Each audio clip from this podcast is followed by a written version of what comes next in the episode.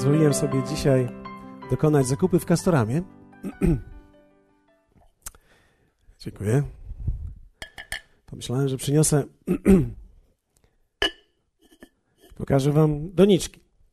Nie reklamuję tych doniczek, ale chciałem pokazać Wam, niech dzisiaj one będą dla nas naczyniem glinianym. To jest naczynie gliniane, które tak naprawdę reprezentuje każdego z nas. Teraz oczywiście, mając tego typu naczynie gliniane, pozbieram biżuterię od wszystkich, którzy są tutaj. Ale musimy sobie wyobrazić jedną rzecz, mianowicie to, że w tym naczyniu glinianym, tak jak mówi Słowo Boże, jest umieszczony w nas ten skarb. Apostoł Paweł o tym mówi liście do Koryntian, że my mamy ten skarb w naczyniach glinianych. Mamy ten skarb w naczyniach glinianych. Ten skarb to znaczy to wszystko, co Bóg umieścił w ciebie, jest w naczyniu glinianym. Nie przez przypadek jest to naczynie gliniane. W zasadzie to nawet jest zbyt ładne. W pewnym sensie to naczynie, które Bóg używa, najczęściej to jest naczynie, które zostało zniszczone, które zostało rozbite i które w nim tak naprawdę jest na nowo poskładane. Pamiętam, któregoś dnia widziałem pewne naczynie, które zostało poskładane z kawałków i ktoś włożył światło do środka i można było widzieć poprzez to światło umieszczone wewnątrz te wszystkie połączenia z tego rozbicia. Ja wierzę w to, że każdy z nas jest takim naczyniem. Dlatego dzisiaj pomyślałem, że chciałbym zainteresować Was pewnym tematem dotyczącym Kościoła, ponieważ w kwietniu mówimy o Kościele, ale również mówimy o domu, o rodzinie. Dlatego, że wierzę w to, że zarówno te zasady, które dotyczą Kościoła, również dotyczą naszego domu, naszej rodziny, naszego małżeństwa. Jesteście gotowi? Więc dzisiaj będziemy mówili o ludzkiej stronie Kościoła. Ludzka strona. Na końcu rozbijemy to. Co wy na to? Ja lubię efekty. Więc pomyślałem, że, że rozbijemy na końcu. Chociaż poskładamy może też na końcu. Zobaczymy. Kiedy mówimy o Kościele, kiedy mówimy o Kościele, natychmiast włącza w nas się pewien aspekt Boga. Czyli kiedy mówimy o Kościele, natychmiast mamy wyobrażenie Boga. Więc Kościół i Bóg są bardzo blisko siebie. Trochę dalej już, gdy mówimy o ludziach. Kościół, wiadomo, ludzie, ale najpierw Bóg, świętość, coś wspaniałego, coś idealnego, coś niesamowitego, coś wyjątkowego, coś świętego. I później oczywiście wchodzimy nieco dalej i rozpoznajemy, że Kościół, ale też rodzina i małżeństwo ma też aspekt ludzki. I ten aspekt ludzki musi być poznany przez nas. Kiedy myślimy o kościele, kiedy myślimy o rodzinie, kiedy myślimy o początku rodziny, moja dwójka dzieci prawdopodobnie za jakiś czas założą własne rodziny i jestem przekonany, że w nich, tak samo jak we mnie, jest pełno ideałów, jak to będzie wyglądało. Jak to będzie wspaniale mieć żonę, jak to będzie wspaniale mieć męża, jak to będzie cudownie i te wszystkie wyobrażenia szczęścia i wszyscy na ślubach życzymy sobie szczęścia, wielkich, wspaniałych przeżyć. I to wszystko jest prawdą, i to wszystko jest realne. Ale wystarczy tylko przejść kawałek dalej w małżeństwie i w życiu, jak również w kościele, aby zobaczyć, że życie że Kościół, że rodzina, że małżeństwo nie ma w sobie tylko i wyłącznie tego Bożego, idealnego wymiaru, ale ma również ten wymiar, który dzisiaj nazywam tym wymiarem ludzkim. Ludzki wymiar.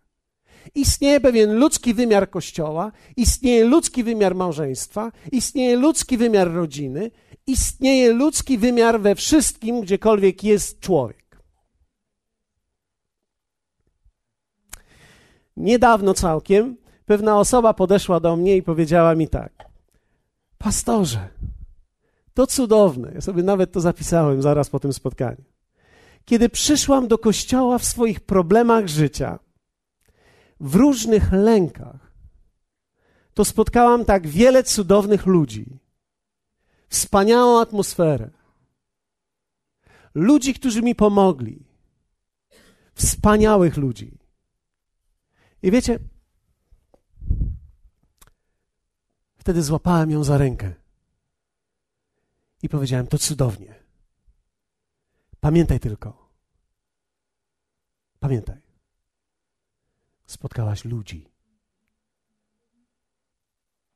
Ludzi spotkałaś.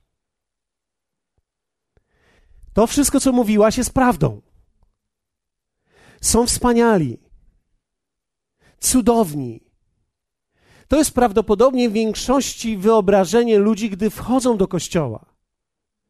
To jest, że kiedy spotykamy się z ludźmi, ci ludzie są jacyś wyjątkowi, są jacyś szlachetni, mają w sobie jakiś uśmiech, jakąś pozytywną część. Dają cały czas coś, co jest tak, jakby wyglądało najlepsze w nich. Są w większości uprzejmi, w większości sympatyczni. Więc Kościół ma w sobie tą Bożą stronę, doświadczenie Boga, ma doświadczenie pomocy. Jest wielu ludzi tutaj, którzy doświadczyli pomocy. Rzadko się o tym mówi, dlatego że chcemy mówić często o pomocy tak, żeby nikt o tym nie wiedział. Ale ludzie doświadczają olbrzymiej pomocy. Jest doświadczenie modlitwy. Mieliśmy tutaj przez ostatnie lata setki godzin modlitwy. I nie tylko wspólne jako Kościół, ale również o ludzi. Są ludzie, którzy modlą się o ludzi. Więc wspólne doświadczenie modlitwy, jak również wspólne doświadczenie cudów i przemiany życia. Tak, tak było, tak jest i tak będzie. Będziemy to widzieli dalej. Wspaniałe doświadczenie wspólnoty. Kiedy ktoś ma urodziny, kilka osób się zbiera. Wiecie, ludzi, którzy normalnie by się nimi nie zainteresowali. Z powodu tego, że jesteśmy częścią jednej Bożej rodziny, ci ludzie wspólnie razem doświadczają wspaniałych przeżyć, nie tylko w rodzinie tej swojej fizycznej, ale również w tej Bożej rodzinie, w której są. Często Zdarza się tak, nie zawsze tak jest, ale zdarza się, że ta Boża rodzina jest bliższa niż ta rodzina na zewnątrz. Ta prawdziwa, ta rodzina, tak nazwijmy to z krwi. Może się zdarzyć nawet i były takie przypadki, gdzie ludzie bardziej odnajdywali w kościele swój dom niż w swoim domu, swój własny dom. Nie zawsze tak jest, nie sądzę, że tak musi być, nie sądzę, że to jest idealne, kiedy nikt ciebie nie kocha. Myślę, że to jest wspaniałe, kiedy masz cudowną rodzinę, to jest cudownie, kiedy masz z kim pojechać i do kogo pojechać. Ale zdarza się, że tak nie jest i że przeżywamy w kościele właśnie to, co byśmy mogli nazwać Bożą, wspaniałą rodziną. Przeżywamy nie tylko wspólnotę, ale przeżywamy również znaki i cuda ludzi, którzy byli uzdrowieni, którzy są uzdrawiani, ludzie, z którymi wierzymy uzdrowienie. Widzimy cuda na wielu różnych płaszczyznach. Ludzie modlą się o pracę i dostają pracę. Ludzie, którzy modlą się o różnego rodzaju przełomy w swoim życiu i doświadczają swoich przełomów w życiu. I to jest wspaniałe. Ludzie, którzy modlą się o różnego rodzaju przełomy w swoich rodzinach, w swoich domach i nagle to osiągają i widzą to i mamy to. Jest wiele cudów, które się dokonują i wiele znaków, które się dokonuje. Widzieliśmy i widzimy to cały czas na płaszczyźnie Kościoła, kiedy modlimy się i wierzymy o, lu- różnych ludzi i widzimy, jak Bóg rozwija Kościół, jak rozwija ten Kościół, wodę życia przez ostatnie lata, jak myśmy przechodzili. Wiecie, to wcale nie, nie tylko widzimy to, co jest teraz. Wiecie, naszym wy, nasz wymiar to nie jest, ilu ludzi się uda nam zebrać w czwartek, albo ilu ludzi uda się zebrać w niedzielę, bo wtedy musielibyśmy powiedzieć lepiej w tą świąteczną niedzielę. Wiecie, to nie chodzi o wymiar tylko tego, co jesteśmy w stanie zebrać, bo Kościół Kościół to nie jest tylko zbiór, ale Kościół to jest cała gama i cała fala ludzi, która przeszła, która doświadczyła pomocy i która doświadczy pomocy. Więc Kościół ma w sobie niesłychaną, potężną, wielką Bożą misję i Bożą stronę. Kościół jest naprawdę święty, Kościół jest naprawdę mocny, Kościół jest naprawdę pełen chwały, Kościół jest naprawdę fantastyczny, ale Kościół poza tym wszystkim jest również ludzki. I Kościół ma w sobie również ludzką stronę. List do Hebrajczyków mówi tak. bo nie aniołom poddał świat, który ma przyjść, o którym mówimy. Inaczej mówiąc, obietnica dotycząca życia nie dotyczyła aniołów. To nie aniołom dał to wszystko. Ale tekst dalej mówi, o ludzi mu chodziło. Powiedzmy razem głośno: ludzie. Och, ci ludzie. Wspaniali, jak również ludzcy. Wspaniali i ludzcy. Efezjan 4:8 mówi tak: Dlatego powiedziano, wstąpiwszy na wysokość, powiedz za sobą jeńców i ludzi darami obdarzył. To oznacza, że Bóg nie tylko patrzy na nas przez pryzmat tej swojej boskości, wielkości, wspaniałości i tych wszystkich cudownych rzeczy, które robi, ale również widzi w nas ludzkość, widzi w nas człowieka. I wiecie, to co jest piękne, to jest to, że Bóg pokochał świat. To oznacza, Bóg pokochał też ludzi. Z całą ich wspaniałością i z całą ich ludzkością. Kościół jest Boży i jest też ludzki. Kościół jest święty i jest w tym samym czasie grzeszny. Ktoś może powiedzieć, nie powinieneś tak mówić, ponieważ wszyscy są święci. Biblia mówi o nas, że jesteśmy święci. Tak, ja jestem przekonany, że my jesteśmy święci. W kategoriach Bożych Bóg nas uświęcił, ale jednocześnie też mamy swoje słabości, bo my żyjemy przez pryzmat naszej duszy, która nie jest dokończona która nie jest jeszcze całkowicie zmieniona. Kto z Was ma jeszcze nieprzemienioną, niedokończoną duszę? Tylko ludzie podnieśli ręce. Aniołowie trzymali ręce tutaj tak. Aniołowie mówią: Ja się nie odzywam, bo to nie o mnie chodzi. Wiecie, okazuje się, że tylko wtedy, kiedy pokochamy całego człowieka, jesteśmy w stanie być ze sobą, rozumieć się i zbudować coś wyjątkowego. Myślę, że dopóki Kościół nie jest w stanie zaakceptować swojej ludzkiej strony, nie jest w stanie tak naprawdę rosnąć i nie jest w stanie tak naprawdę dojrzewać. Dlatego, że kiedy mówimy o Kościele, mamy olbrzymie oczekiwania odnośnie boskości, świętości, wyjątkowości. Nie tylko stawiamy ludzi na piedestale, my oczekujemy, że oni przemówią i usłużą nam z piedestału. Inaczej mówiąc, oczekujemy, że ludzie cały czas będą okazywali nam swoją boską stronę życia, swoją przemienioną stronę życia, swoją najlepszą stronę życia. Wiecie, większość ludzi, gdy przychodzi w niedzielę, ubierają swoją najlepszą stronę. Genialną stronę. Ja osobiście nie lubię takich tekstów, ale niektórzy chwała, chwała Bogu bracie, chwała Bogu siostro nie chodzi o to, że to jest złe czy dobre, chodzi o to, że my nawet często staramy się ubrać pewien ton, który koresponduje z tą naszą Bożą, wspaniałą, chwalebną, wyjątkową stroną. Nie ma w tym nic złego tak długo, jak jesteśmy w stanie zaakceptować tą ludzką ponieważ istnieje ta Boża, bezsprzecznie istnieje, ale istnieje również ta ludzka i ona jest również do zaakceptowania. Jeśli ja będę kochał człowieka tylko w pryzmacie tym Bożym, a nigdy nie pójdę dalej w mojej miłości, aby pokochać go w całości, nie jestem w stanie ani mu pomóc, ani tak naprawdę z nim być.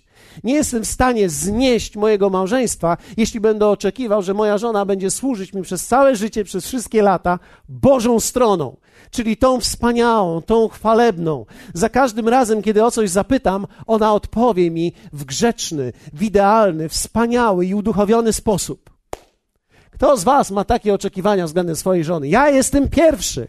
Ja chciałbym, żeby moja żona za każdym razem, w każdym momencie, w każdej sekundzie była moim ideałem wyśnionym. Problem jest tylko taki, że nie jest. Znaczy, chcę powiedzieć, że nie jest w każdym momencie. I wszystko byłoby dobrze, gdyby nie te momenty. Te momenty, które wcale nie są ani wielkie, ani chwalebne, ani wspaniałe, są po prostu ludzkie. Ludzkie, ludzkie, absolutnie ludzkie, nieprzemienione, niedokończone, nie do końca ukształtowane, a nawet bym powiedział, że od czasu do czasu nawet nietknięte. Inaczej mówiąc, tam słowo jeszcze nie dotarło i jeszcze się stamtąd nie wykluło, czyli to, co tam jest, to jest to wszystko, co tam zawsze było. Czyli gdy otwieram ten stary garnek po zupie, która siedem lat już tam siedzi, nic prawdopodobnie pięknego nie doświadczę. Ludzka strona, ta niezbawiona, jeszcze niedokończona, jeszcze nieuświęcona, jeszcze nieprzemieniona. Powiedzmy sobie tak, każdy człowiek ma jedną naturę. Kiedy rodzisz się z Boga, dostajesz jedną Bożą naturę. Ale w tym samym czasie masz jedną Bożą naturę i dwie części swojej duszy. Duszy, z której tak naprawdę żyjesz. Duszy, przez którą przenika Twoja nowa natura. Masz duszę, która jest już częściowo zapisana, i kiedy zacząłeś być nowym człowiekiem, masz zupełnie nową kartkę. Masz jedną kartkę zapisaną, jedną zupełnie czystą.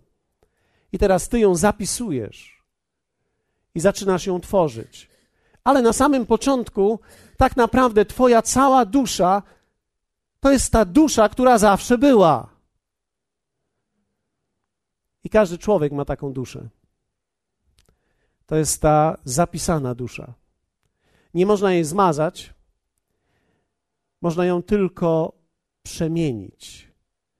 Można ją przemienić, zapisując zupełnie nowe karty.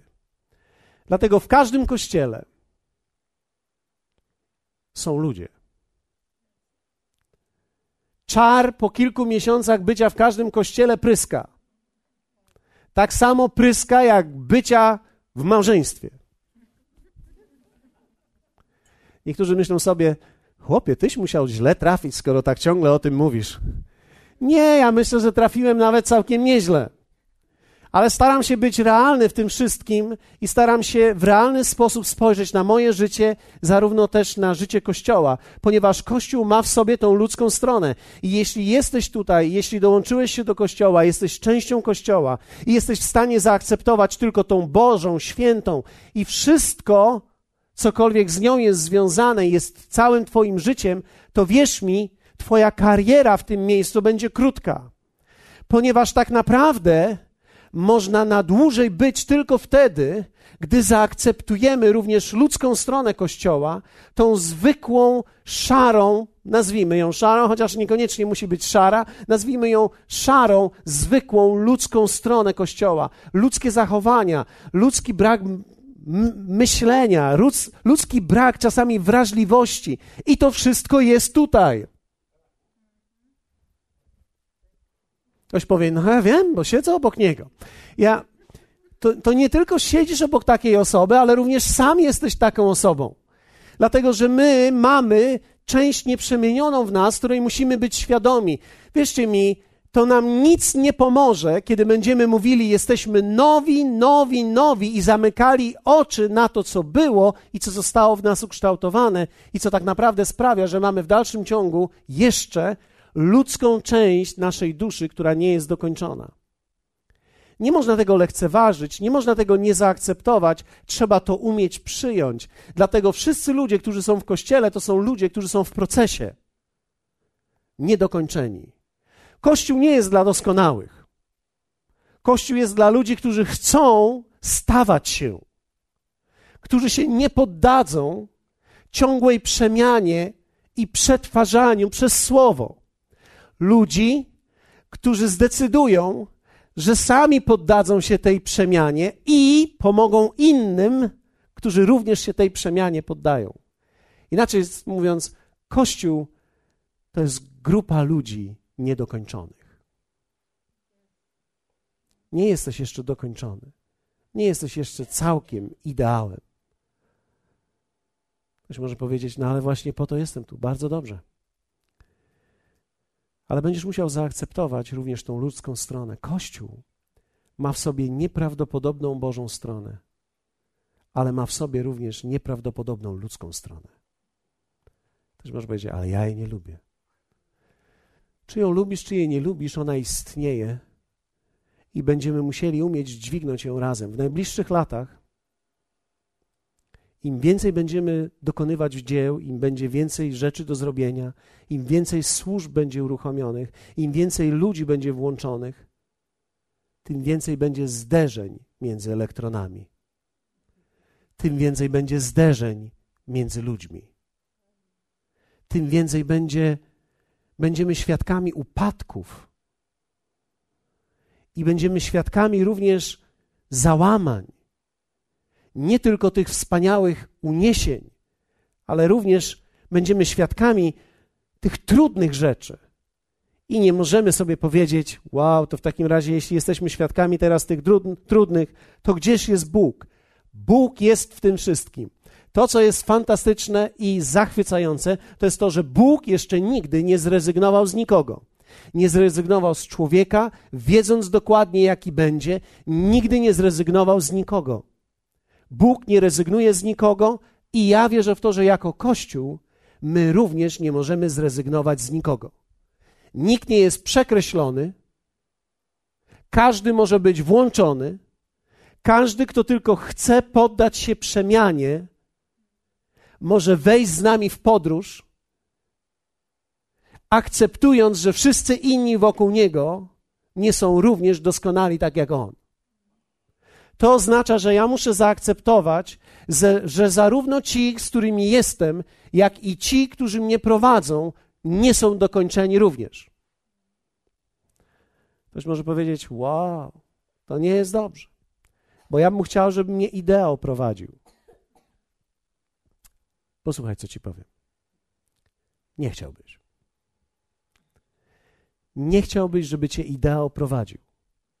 Po pierwsze, nie wytrzymałbyś z nim, bo za każdym razem, kiedy ideał by przemawiał, on cały czas obnażałby twój brak ideału. Po drugie, prawdopodobnie nie wiem, czy byłby w stanie znieść to, że ty nie jesteś idealny, a on jest idealny, dlatego że swój szuka swego. I po trzecie, jak ideał mógłby ci pokazać drogę, jak wyjść z bycia nieideałem? Wiecie, my jesteśmy wszyscy częścią podróży. Piękno w Starym Testamencie jest to, że każdy kapłan był z ludu brany. Czyli to nie był człowiek, który z nieba przychodził, nie aniołom dał dary, ale ludziom dał dary. To wcale nie oznacza, że człowiek, który prowadzi, ma być całkowicie pogrążony w czymś. Nie ale to oznacza, że każdy ma prawo do pewnej niedoskonałości i my wszyscy musimy to zaakceptować. Tak samo jak ty oczekujesz, że inni zaakceptują również Twoją podróż i to, że Ty nie jesteś dokończony. Jak wielu z Was cieszy się, że są ludzie albo znaleźli się ludzie, którzy zaakceptowali Waszą niedoskonałość. Ja się cieszę, że moja żona zaakceptowała, że nie jestem ideałem. Ja się cieszę, że ona nie rzuciła mnie po trzech miesiącach. Cieszę się, że nie rzuciła mnie po czterech latach. Cieszę się, że nie ma mnie dzisiaj dosyć. Uznaję to za fakt wielkiego miłosierdzia Bożego. Ale dlaczego myślę, że tak jest? Ponieważ ona widzi, jak ja na tym rowerku dygam. To oznacza, że ona widzi, że może ja nie jestem ideałem, ale pracuję nad tym, żeby się zmienić. I każdy człowiek ma prawo do tej przemiany. I każdy człowiek chce aby ktoś w to uwierzył. Wierzę w to, że Kościół. Wiecie, byłem częścią różnych miejscach, jestem częścią, ponieważ mamy kontakty z różnymi miejscami i kościołami, zawsze widzę tę samą rzeczywistość. Im bardziej patrzymy na Kościół przez pryzmat Boży tylko i nie umiemy tak naprawdę rozstrzygać rzeczy z Bożego pryzmatu, tylko ludzkiego, za każdym razem dojdzie do podziałów, za każdym razem dojdzie do rozbicia, do dyskusji i do próby konfrontacji. To nikomu jeszcze nigdy nie pomogło. Wiecie dlaczego? Ponieważ nie da się zrozumieć drugiego człowieka do końca.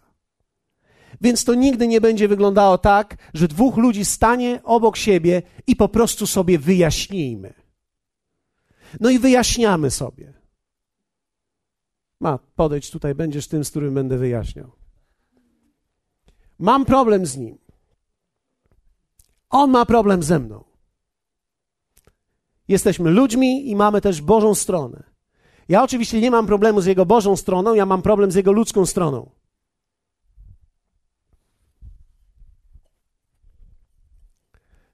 Oto naczynia gliniane. Wy... No i teraz sobie wyjaśniamy. Wyjaśniamy sobie i próbujemy się nawzajem zrozumieć. Problem jest tylko taki, że ja nie jestem w stanie go zrozumieć, ani on nie jest w stanie mnie zrozumieć, ponieważ drogi ciemności w nim i drogi ciemności we mnie są niepojęte. Są tak niepojęte, że nawet on nie wie skąd to się w nim bierze, ani ja również nie wiem skąd się to we mnie bierze. Czy ktoś z Was był kiedyś zdziwiony swoim wybuchem, swoim tonem, swoją złośliwością? Czy ktoś z Was kiedyś był zdziwiony, że jesteś w stanie tak zareagować? Dziękuję za tą szczerość. Więc teraz my próbujemy nawzajem się zrozumieć i nawzajem sobie wyjaśnić. No to wyjaśnijmy sobie teraz tą sprawę. Widzisz, bo ja to myślałem tak, a ten myślał tak, i ja myślałem tak, a ten myślał tak. No i doszliśmy razem, aha, no dobrze. I co z tego, kiedy dalej pomiędzy nami jest podział? Niby się rozumiemy, ale dalej jest podział. Dlaczego? Bo cielesności się wyjaśnić nie da. Nie da się wyjaśnić ciemnej strony. Bóg ma na to zupełnie inny sposób. Dlatego też bywa tak, ja miałem takie sytuacje, kiedy z kimś miałem konflikt, rozmawiałem z nim do 6 rano, a o godzinie 10 rano on miał już znowu problem, ten sam. Rozmawialiśmy przez 8 godzin. Wydawało nam się, że już jesteśmy tak zmęczeni, że już nawet ze zmęczenia sobie mówimy: Już dobrze, już w porządku. O godzinie 10 rano ten człowiek dzwoni do mnie, mówiąc mi o dokładnie tym samym problemem, od którego zaczynaliśmy 10 wieczorem naszą rozmowę. To znaczy, że 8 godzin poszło na marne. Dlaczego? Bo my po ludzku próbujemy rozwiązać nasze ludzkie sprawy, a Bóg nigdy po ludzku nie rozwiązywał ludzkich spraw. Na ludzkie sprawy nie ma ludzkich rozwiązań ludzkie sprawy nie są rozwiązywane przez ludzkie rzeczy. Gdyby tak było, człowiek byłby w stanie sam sobie pomóc. Ale człowiek nie jest w stanie sam sobie pomóc, dlatego ja nie jestem w stanie jemu pomóc, ani on nie jest w stanie mi pomóc, dopóki nie sięgniemy do czegoś, co w nas jest Boże. Bo kiedy my zderzamy się w naszych ludzkich aspektach, nie jesteśmy w sobie nawzajem w stanie pomóc. Dlatego można dojść do takiego konfliktu między ludźmi, że kiedy próbujemy, przepraszam, próbujemy sobie nawzajem pomóc po ludzku, nie możemy tego zrobić. I musimy się rozejść. Ale jeśli jesteśmy w stanie sięgnąć do Bożych aspektów w Nim i ja do Bożych aspektów we mnie, to nie tylko sobie pomożemy, ale nawet to wszystko, co nas dzieliło, rzucimy w niepamięć. Bo sami nie wiemy, nawet jak myśmy do tego galimatiasu doszli.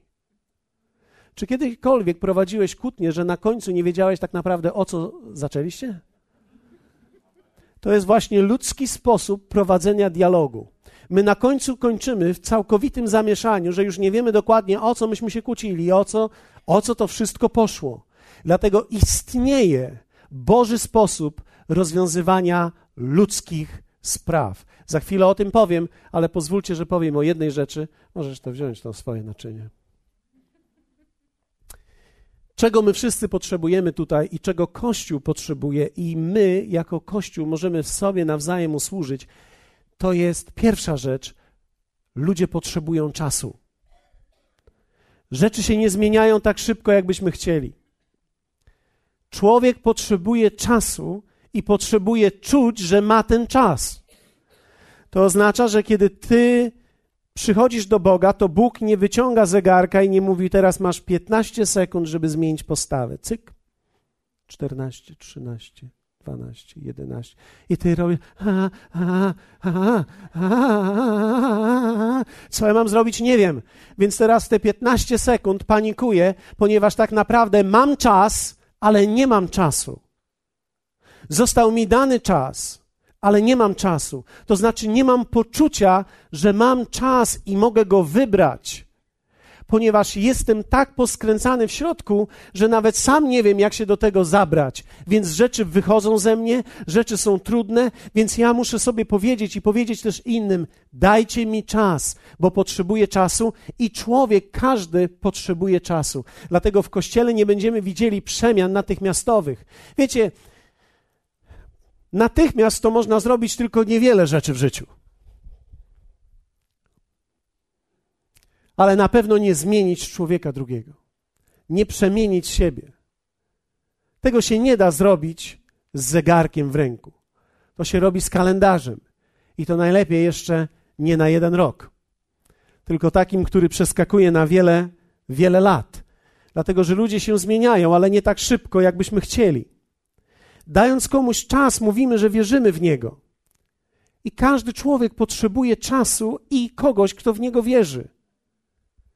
Kiedy się pobieramy, mówimy sobie nawzajem: Ja z Tobą się pobrałem na całe życie, bo daję Ci całe życie czasu na zmianę.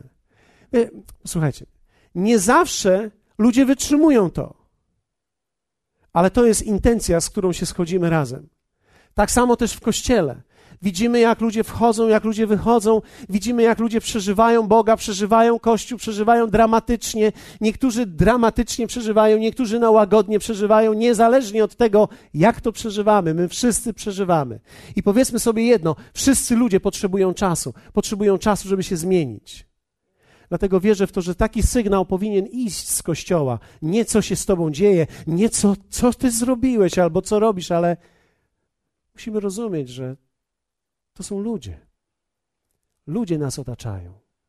I że ludzie błądzą. I że ludzie mają problemy. I że ludzie sami nawet nie wiedzą, dlaczego mają te problemy. Potrzebują czasu, żeby je rozsupłać, żeby je rozwiązać, potrzebują czasu, żeby być z nich uzdrowionymi, i my, jako Kościół, musimy stanowić bezpieczne środowisko dla tych ludzi, dla nas samych, abyśmy mogli wspólnie razem uczestniczyć w procesie uzdrowienia. Ty i ja potrzebujemy uzdrowienia i potrzebujemy czasu, żeby to uzdrowienie miało miejsce. Powiedzmy razem czas. Ty i ja potrzebujemy czasu. Druga rzecz. Ty i ja potrzebujemy przebaczenia. Każdy człowiek chce mieć szansę zacząć od nowa. Każdy człowiek. Każdy pragnie poczucia, że nic nie przekreślił, że się nic nie skończyło i że można zacząć jeszcze raz. Każdy człowiek potrzebuje przebaczenia. Przebaczenie nie otrzymujemy tylko od Boga, ale otrzymujemy również od ludzi. I my, jako ludzie, musimy nauczyć się przebaczać. W kościele jest to bardzo trudne. Powiem Wam dlaczego. Bo my widzimy często ten Boży aspekt Kościoła i nie akceptujemy ludzkiego aspektu Kościoła, dlatego trudno nam jest przebaczać, szczególnie tym, którzy już są z nami dłużej. Dlatego, że my mamy nieprawdopodobne miłosierdzie dla człowieka, który jest pierwszy raz. Piłeś, ćpałeś i źle spałeś? Witaj, bracie.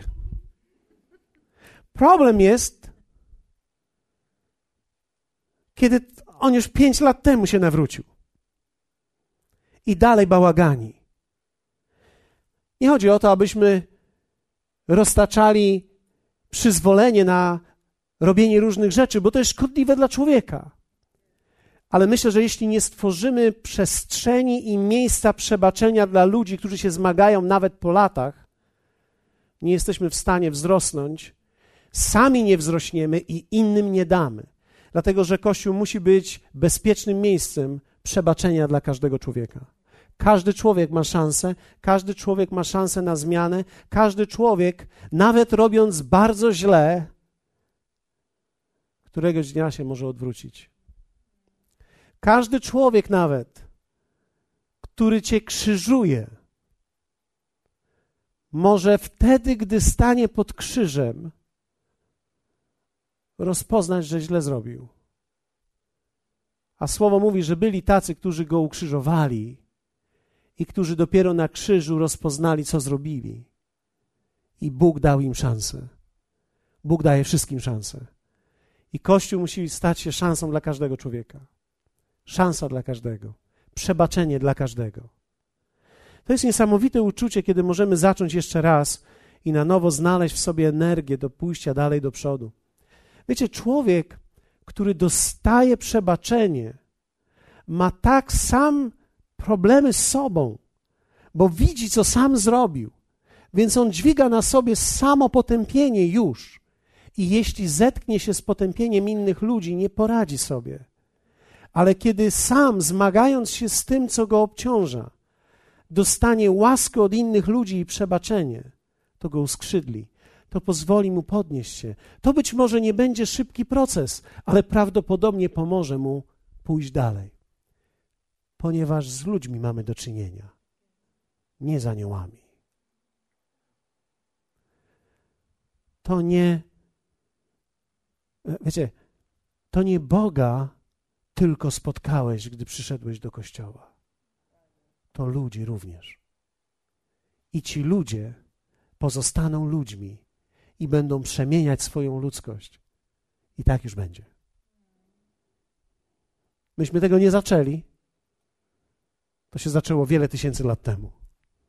Od momentu, kiedy człowiek pojawił się na tej ziemi, gdy grzech pojawił się na tej ziemi. Bóg nigdy nie przestał wierzyć w człowieka, nie przestał przebaczać człowiekowi. Ja potrzebuję, żeby mi moja żona przebaczała. Ale też potrzebuję, pracując w biurze, żeby ci, którzy ze mną współpracują w kościele, przebaczali mi. Liderzy, żeby mi przebaczali. Ludzie, żeby mi przebaczali. Nawet pastor potrzebuje przebaczenia od ludzi.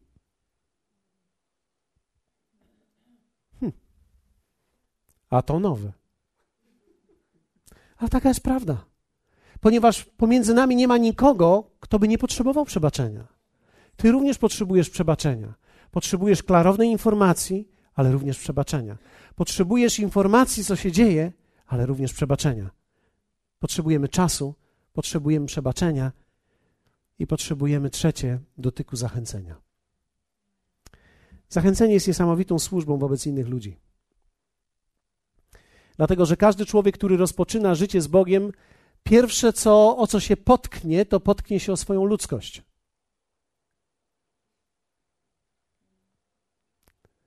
To nie diabeł jest naszym problemem, bo diabeł jest pokonany.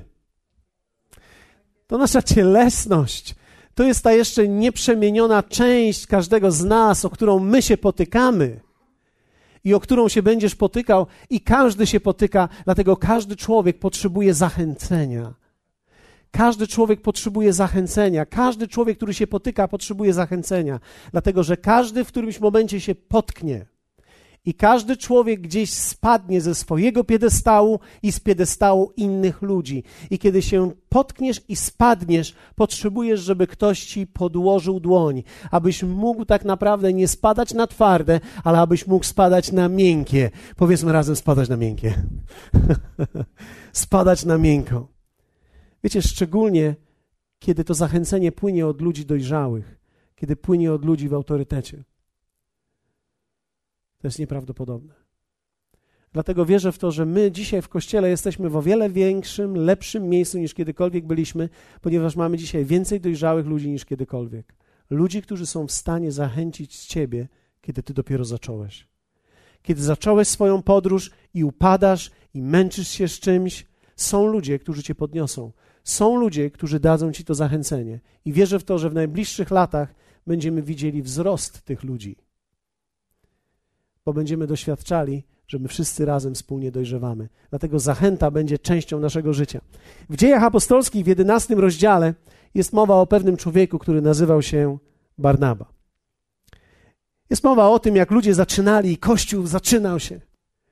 Jak wielu z Was wie o tym, że każdy nowy Kościół to jak nowa miotła zawsze dobrze zamiata. Jest wtedy ekscytacja i entuzjazm. Jest wtedy fantastyczne, cudowne. To jak nowe małżeństwo chodzą i ćwierkają i mówią sobie do uszka i, i stają co dwa metry i buziaczka sobie dają i on ją głaszcze po włosach, a ona jego po ramieniu. Jest cudownie, kwitnąco i wspaniale. Ale wierzcie mi, to nie jest dojrzałość. Ten czas mija. I z czasem, z latami, latach. O wiele trudniej jest głaskać po ramieniu, głaskać po włoskach, głaskać po rączkach i człowiek zapomina, że co dwa kroki już miał odwracać się i całować i teraz już co cztery kroki, a po latach zapominasz w ogóle, że coś takiego istniało. Dlatego, że to jest kwestia dojrzałości. Życie podtrzymuje się dojrzałością i dojrzewamy do pewnych rzeczy. Rzeczy, które były ekspresją naszych emocji, nie mogą pozostać tylko w emocjach. Muszą stać się częścią naszych wyborów i naszego życia. I wtedy to jest dojrzałość. I wierzcie mi, większość ludzi o tym nie wie. Dlatego też w dziejach apostolskich czytamy taki tekst. I ręka pańska była z nimi. Wielka też była liczba tych, którzy uwierzyli i nawrócili się do Pana. Wieść o nich dotarła także do uszu zboru w Jerozolimie. Wysłali więc do Antiochii Barnabę, który, gdy tam przybył i ujrzał łaskę Bożą, uradował się i zachęcał wszystkich aby całym sercem trwali przy Panu. Wiecie, Duch Święty zanotował te słowa dlaczego? Bo wszyscy potrzebują zachęcenia. Nie zachęcał tylko słabych, zachęcał wszystkich. Barnaba był człowiekiem zachęcenia. On zachęcał każdego. Nawet w sytuacji konfliktu między nim a apostołem Pawłem, kiedy dyskusja powstała, czy wziąć Marka, czy jest potrzebny, czy też nie, Barnaba mówi, nada się. Apostoł Paweł mówi, nie nada się. Wcześniej było i nie nadawał się. Rozeszli się. I po pewnym czasie apostoł Paweł mówi: Przyprowadźcie mi Marka, teraz już się nadaje. I teraz myślę sobie, to jest wspaniałe, że apostoł Paweł mógł powiedzieć: Nie nadaje się teraz, a później się nadaje. Ale jakie to jest cudowne, że nie tylko apostoł Paweł jest w ciele Chrystusa, że są tacy ludzie jak Barnaba, który mógł powiedzieć do Marka: No nie nadajesz się, ale chodź pogadamy chwilę. nie nadajesz się teraz, on cię nie wziął na misję, ale wiesz co, ja nie pójdę z nim, ja teraz pójdę z tobą i podtrzymam ciebie, podniosę ciebie, będę razem z tobą aż do miejsca i do momentu, w którym będziesz się nadawał. Wszyscy ludzie potrzebują zachęcenia. Każdy człowiek. Nawet w drodze, kiedy jesteśmy dłuższy czas, potrzebujemy zachęcenia. Wierzcie mi, nie ma człowieka, który bez zachęcenia jest w stanie poradzić sobie. Ludzie zawsze pójdą w stronę, gdzie słyszą zachęcenie. Dlatego, że człowiek chce być zachęcany, bo zachęcenie działa w nas jak skrzydła dodatkowe, jak dodatkowy silnik. Jestem w stanie pójść, gdy jestem zachęcany. Ludzie pragną być zachęceni. Każdy człowiek pragnie być zachęcany przez drugiego człowieka. Kto z Was ma takiego Barnabę w swoim życiu? Jedna osoba. Ja.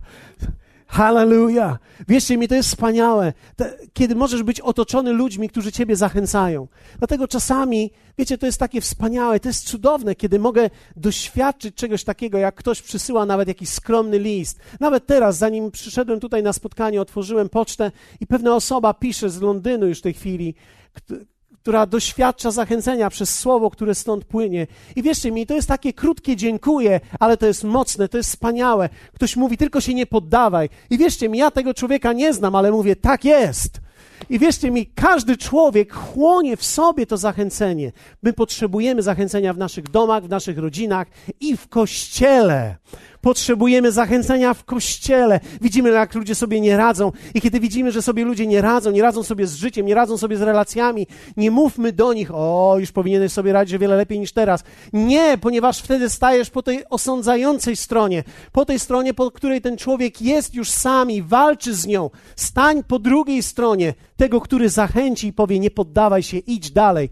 Barnaba zachęcał wszystkich, aby trwali w wierze aby szli dalej. Każdy człowiek potrzebuje zachęcenia. Nasze dzieci potrzebują zachęcenia. Wierzcie mi, kiedy wzrastają nasze dzieci, kiedy są małe, e, widzimy różne rzeczy, kiedy są duże, widzimy zupełnie inne rzeczy. I widzimy też te wszystkie rzeczy, których nie chcielibyśmy widzieć. I można koncentrować się na tym i ciągle wytykać i ciągle mówić, co jest źle, ale z drugiej strony, jeśli nie będziemy tymi, którzy zachęcą, stracimy ich ponieważ wszyscy ludzie potrzebują zachęcenia. Kościół musi mieć wyraźny głos zachęcenia. Każdy człowiek potrzebuje czasu, każdy człowiek potrzebuje przebaczenia i każdy człowiek potrzebuje zachęcenia. Nawet to, że dzisiaj tutaj jesteś, dla kogoś jesteś zachęceniem. Ktoś się ucieszył, bo cię zobaczył. Ja nie mówię, że wszyscy, ale ktoś się ucieszył, że cię zobaczył. Ja się ucieszyłem, że cię zobaczyłem. Dlatego, że niektórych nie widziałem długo. Niektórych widzę od czasu do czasu. I to jest takie budujące, i to jest takie wspaniałe, to jest takie zachęcające. Apostoł Paweł mówi również o tym, że kiedy my się razem zgromadzamy, my się nawzajem w ten sposób zachęcamy. Zachęcenie jest potężne, jest silne. Okay. Do tej pory słuchaliśmy tego wszystkiego pod kątem: wow, byłoby cudownie, gdyby ktoś dał mi czas, gdyby ktoś mi przebaczył i gdyby mnie w końcu ktoś zachęcił. Jak ja potrzebuję czasu, przebaczenia i zachęcenia, to jest cudowne. Wszyscy tego potrzebujemy. Ale teraz odwróćmy sytuację. Kto z Was chciałby stać się taką osobą, która daje czas, która daje przebaczenie i która daje zachęcenie? Podejdź przyjacielu z tymi doniczkami do Zdradzę Ci tajemnicę jak ojciec synowi. Powiem Ci, jak uczynić swoje życie z przyszłą Twoją żoną kiedyś szczęśliwym i żebyś zawsze trwał przy niej, żeby ona mogła trwać przy Tobie. To jest ludzka część. Wszyscy potrzebujemy czasu, przebaczenia i zachęcenia. Ale argumenty ludzkie nie pomagają. Nigdy przez tylko i wyłącznie argumentację nie stworzymy jedności, bo to nie jest Boży sposób na pomoc człowiekowi. Ludzki problem może być rozwiązany tylko w Boży sposób. Wiecie, ja zdradziłem teraz tajemnicę, nie mówcie jej nikomu, ale powtórzcie ją, żebyśmy pamiętali ją. Ludzki problem może być tylko rozwiązany w Boży sposób. Dlatego siłą Kościoła nie będzie jak wielu ludzi będzie, ale jak wiele Bożych natur z nas wyjdzie. Bo tylko wtedy, gdy ja sięgnę Bożej natury we mnie, będę w stanie pomóc człowiekowi. Będę miał siłę, żeby dać mu czas, przebaczenie i zachęcenie. Jako człowiek będę współzawodniczący, będę osądzający, będę wymagający. Jako ten, który jest z Boga zrodzony, będę rozumiał czas, będę rozumiał przebaczenie i będę rozumiał zachęcenie. Zawsze będę rozumiał drugiego człowieka, że jest człowiekiem i dam mu to, co jest we mnie z Boga. To jest klucz do dobrego małżeństwa i to jest klucz do dobrego kościoła, do silnego miejsca, silnego kościoła. Apostoł Paweł, kiedy miał problem i powstał Kościół Koryncki, było mnóstwo problemów i Biblia mówi, było mnóstwo podziałów i rzeczy, które się tam działy. Apostoł Paweł mówi, to nawet żal pisać, co się między wami dzieje. I wtedy apostoł Paweł mówi, ale ja wam pokażę drogę, która jest jeszcze doskonalsza. I zaczyna mówić o miłości. I mówi, że rozwiązaniem na wszystko nie jest argumentacja, ale jest miłość, która jest zrodzona w nas. I ta siła przychodzi tylko od Boga to oznacza, że ja jako pastor, widząc całą ludzkość Kościoła, jedyny sposób, jaki ja mogę sobie z tym poradzić, to nie jest być argumentującym, nie osądzającym, ale zbliżyć się bardziej do Boga, abym był w stanie dać ludziom czas, przebaczenie i zachęcenie. Ponieważ nikt nie chce, aby usłużył mu tylko człowiek. Wszyscy ludzie chcą, aby usłużył im Bóg który jest w drugim człowieku. Jan, widząc tą sytuację w kościele efeskim, kiedy to był jeden z największych kościołów i zaczęły się problemy prześladowania i stanęli wszyscy przeciwko Tymoteuszowi. Jan, który obserwował to i widział, apostoł Jan, który obserwował to i widział, widział desperację kościoła, załamany był tym, co się działo i myślał, no teraz to już po prostu jest koniec. Tymczasem, kiedy zbliżył się do Boga, kiedy on sam przybliżył się do Boga, on powiedział: Miłujcie się nawzajem. Inaczej mówiąc, sięgnijcie po to, co jest Boże w Was i dajcie to sobie, ponieważ miłość będzie Was budować. Miłość Was połączy. Kościół ma ludzki aspekt, ale można temu zaradzić tylko w Boży sposób. Pytanie dzisiaj jest, jak wielu jest tutaj na tym miejscu ludzi Bożych, którzy rozumieją ludzkość i nie chcą rozwiązać jej po ludzku, ale po Bożemu. Bo tylko wtedy damy ludziom czas, przebaczenie i tylko wtedy damy ludziom zachęcenie. Bo będziemy widzieli, że to ma sens. Hallelujah. Jak wielu z Was chciałoby stać się takim człowiekiem, który sięga z głębi miłości i daje innym? Pamiętam któregoś dnia pewną opowieść. Jeden, jeden człowiek podszedł i zobaczył, jak poleruje drugi człowiek piękne auto, nowiutkie. Skąd masz to auto? A, dostałem od brata. Wow. Chwila milczenia i ten, który poleruje to swoje auto, mówi: Hmm, ty też pewnie chciałbyś mieć takiego brata, co?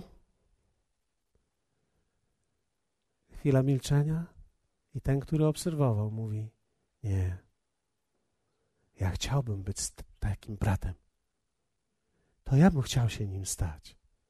Takim, który daje takie samochody. Wiecie, na każdą rzeczywistość można spojrzeć z dwóch stron. Ty potrzebujesz czasu, przebaczenia i zachęcenia. Ale czy chcesz się stać takim, który to da? Jeśli tak, to to jest Twój moment i to jest Twoja chwila. Od takich ludzi zależy przyszłość Kościoła, rozwój Kościoła, ponieważ będziemy w stanie pomóc tylko tylu ludziom, ilu ludzi wewnątrz jest w stanie wydobyć z siebie Bożą część i pomóc im. Bo argumenty ludzkie nie da się rozwiązać. Nie da się ułożyć i dogadać. Nie da się rozwiązać ludzkiego problemu w ludzki sposób. Ludzkie problemy rozwiązuje się tylko w Boży sposób. Dlatego On przyszedł do nas, dał nam siebie i jest zrodzony w nas, abyśmy mogli nawzajem usłużyć innym. Powstańmy razem. Kto z Was chce być w tym miejscu? Hallelujah. Hallelujah. Zaakceptuj zatem ludzką stronę Kościoła, małżeństwa, przyjaźni. Pokochaj całość. Ta wspaniała kobieta, która mi powiedziała o tych cudownych rzeczach, które doświadczyła w Kościele, to jest szczere i prawdziwe, co mówiła. Ale ja mówię również do niej, istnieje również ludzka część. I mówię do każdego z Was: istnieje ludzka część. I tą ludzką część musimy pokochać.